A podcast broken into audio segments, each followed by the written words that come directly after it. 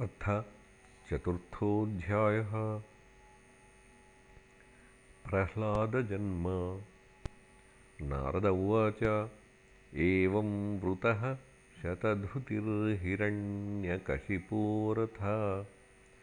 प्रादात्तत्तपसा प्रीतो वरांस्तस्य सुदुर्लभान्। ब्रह्मोवाच ताते मे दुर्लभाः पुंसां यान् वृणीषे वरान् मम। तथापि वितराम्यङ्गवरान् यदपि दुर्लभान्। ततो जगामभगवानमोघानुग्रहो विभुः।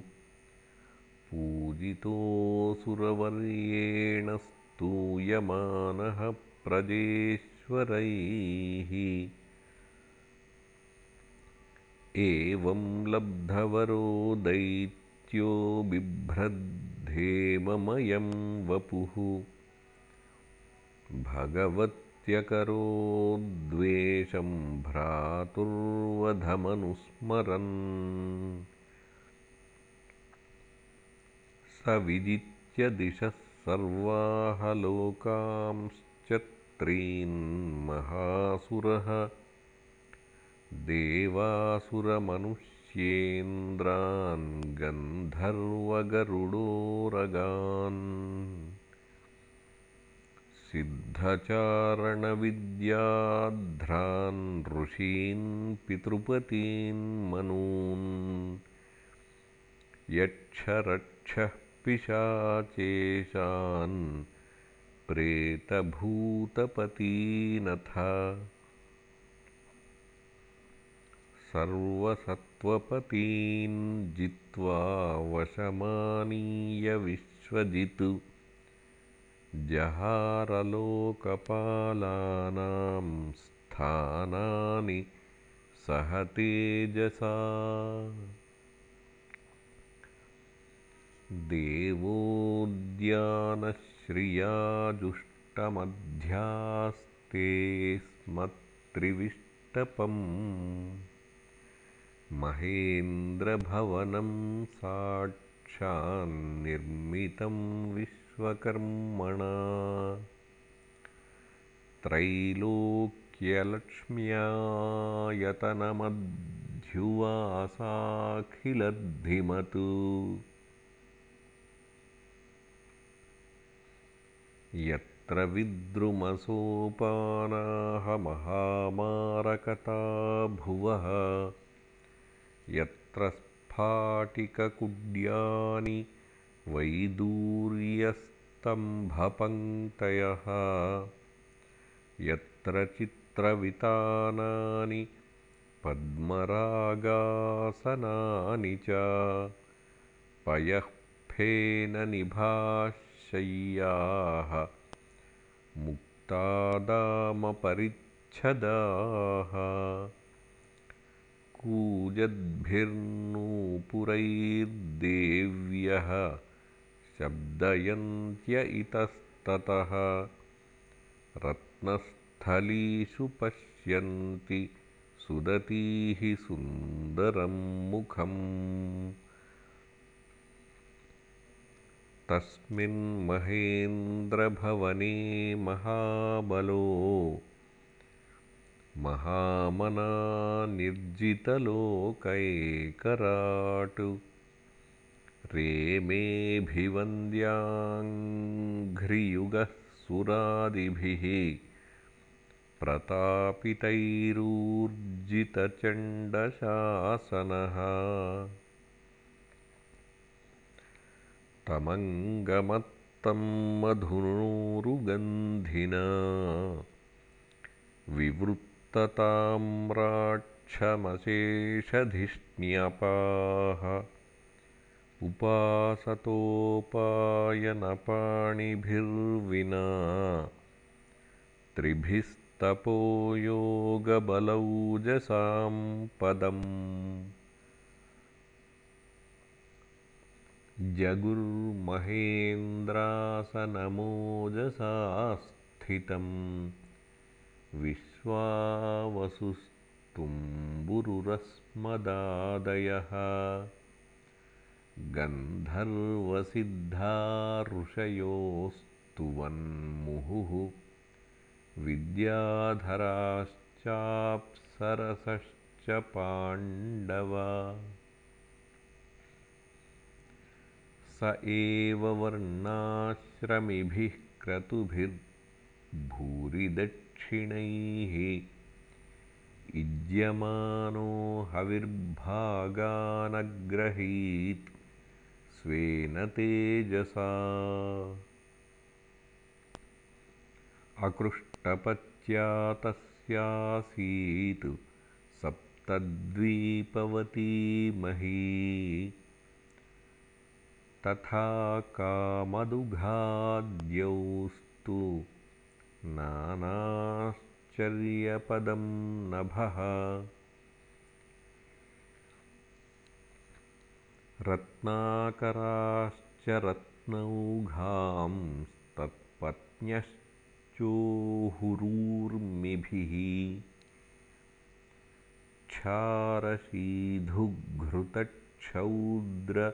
क्षारशीधुघृतच्छौद्रदधिक्षीरामृतोदकाः शैलाद्रोणीभिराक्रीडम् सर्वर्तुषु गुणान्द्रुमाः दधारलोकपालानामेक एव पृथग्गुणान्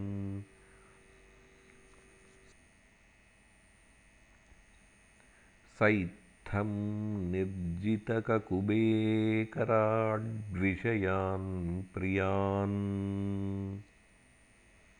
यथोपजोषं भुञ्जानो नातृप्यदजितेन्द्रियः। एवमैश्वर्यमत्तस्य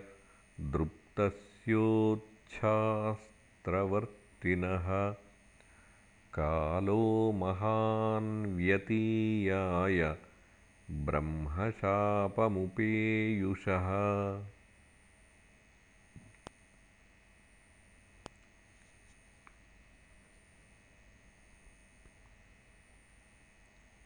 तस्योग्रदण्डसंविघ्नाः सर्वे लोकाः स्वपालकाः अन्यत्रालब्धशरणाः शरणं ययुरच्युतम्। तस्यै नमोऽस्तु काष्ठायै यत्रात्मा हरिरीश्वरः। यद्गत्वा न निवर्तन्ते शान्ताः सन्न्यासिनोऽमलाः इति ते संयतात्मानः समाहितधियो मलाः। उपतस्थुर्हृषीकेशम् विनिद्रावायुभोजनाः। तेषामाविरभूद्वाणी अरूपा मेघनिःस्वना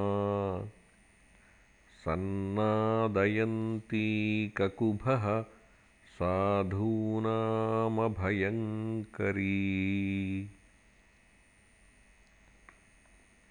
माभैष्टविबुधश्रेष्ठाः।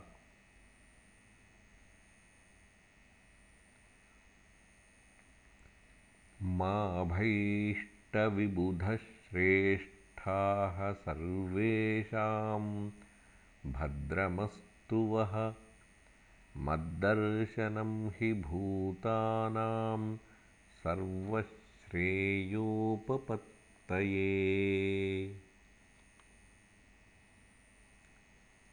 ज्ञातमेतस्य दौरात्म्यं दैतेयापशदस्य च। तस्य शान्तिं करिष्यामि हरिष्यामि कालं तावत्प्रतीक्षत यदा देवेषु वेदेषु गोषु विप्रेषु साधुषु धर्मे मयि च विद्वेषः स वा आशु विनश्यति।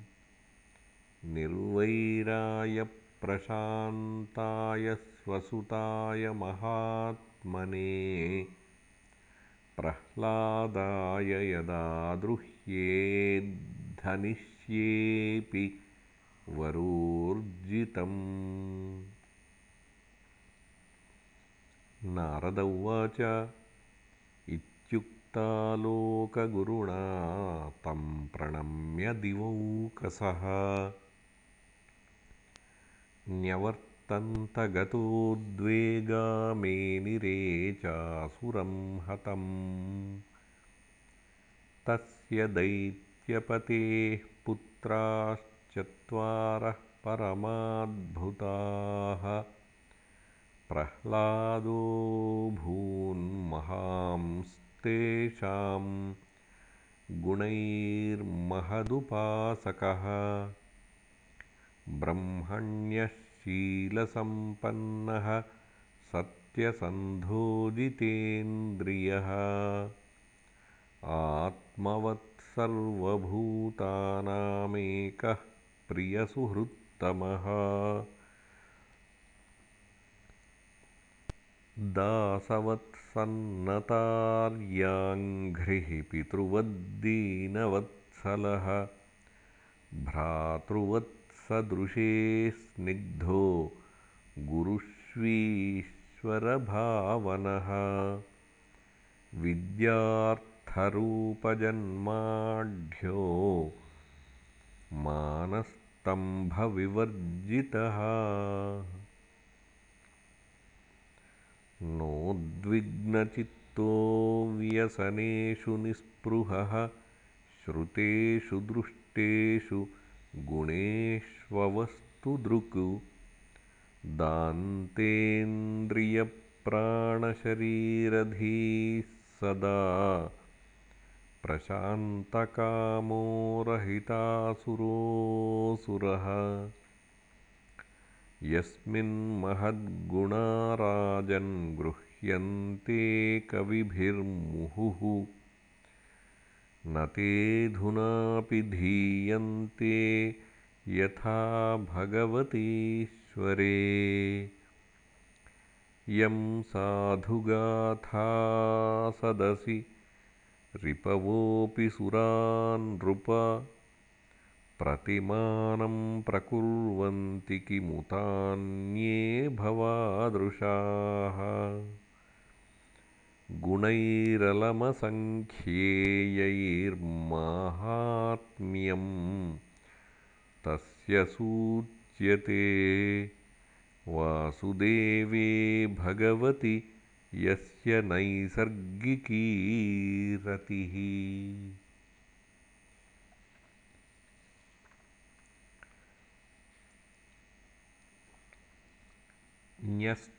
न्यस्तक्रीडनको बालो। जडवत्तन्मनस्तया।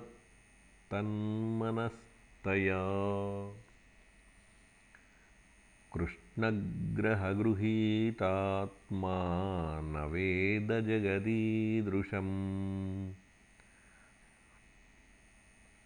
आसीनः पर्यटन्नश्नन् शयानः प्रपिबन् ब्रुवन् नानुसन्धत्त एतानि गोविन्दपरिरम्भितः क्वचिद्रुदति वैकुण्ठचिन्ताशबलचेतनः क्वचिद्धसति तच्चिन्ताह्लाद उद्गायति क्वचित् नदति क्वचिदुत् कंठो विलज्जो नृत्यति क्वचित्। क्वचित्तद्भावनायुक्तस्तन्मयोऽनुचकारः क्वचिदुत्पुलकस्तूष्णीमास्ते संस्पर्शनिर्वृतः। अस्पन्दप् अस्पन्दप्रणयानन्दसलिलामीलिते क्षणः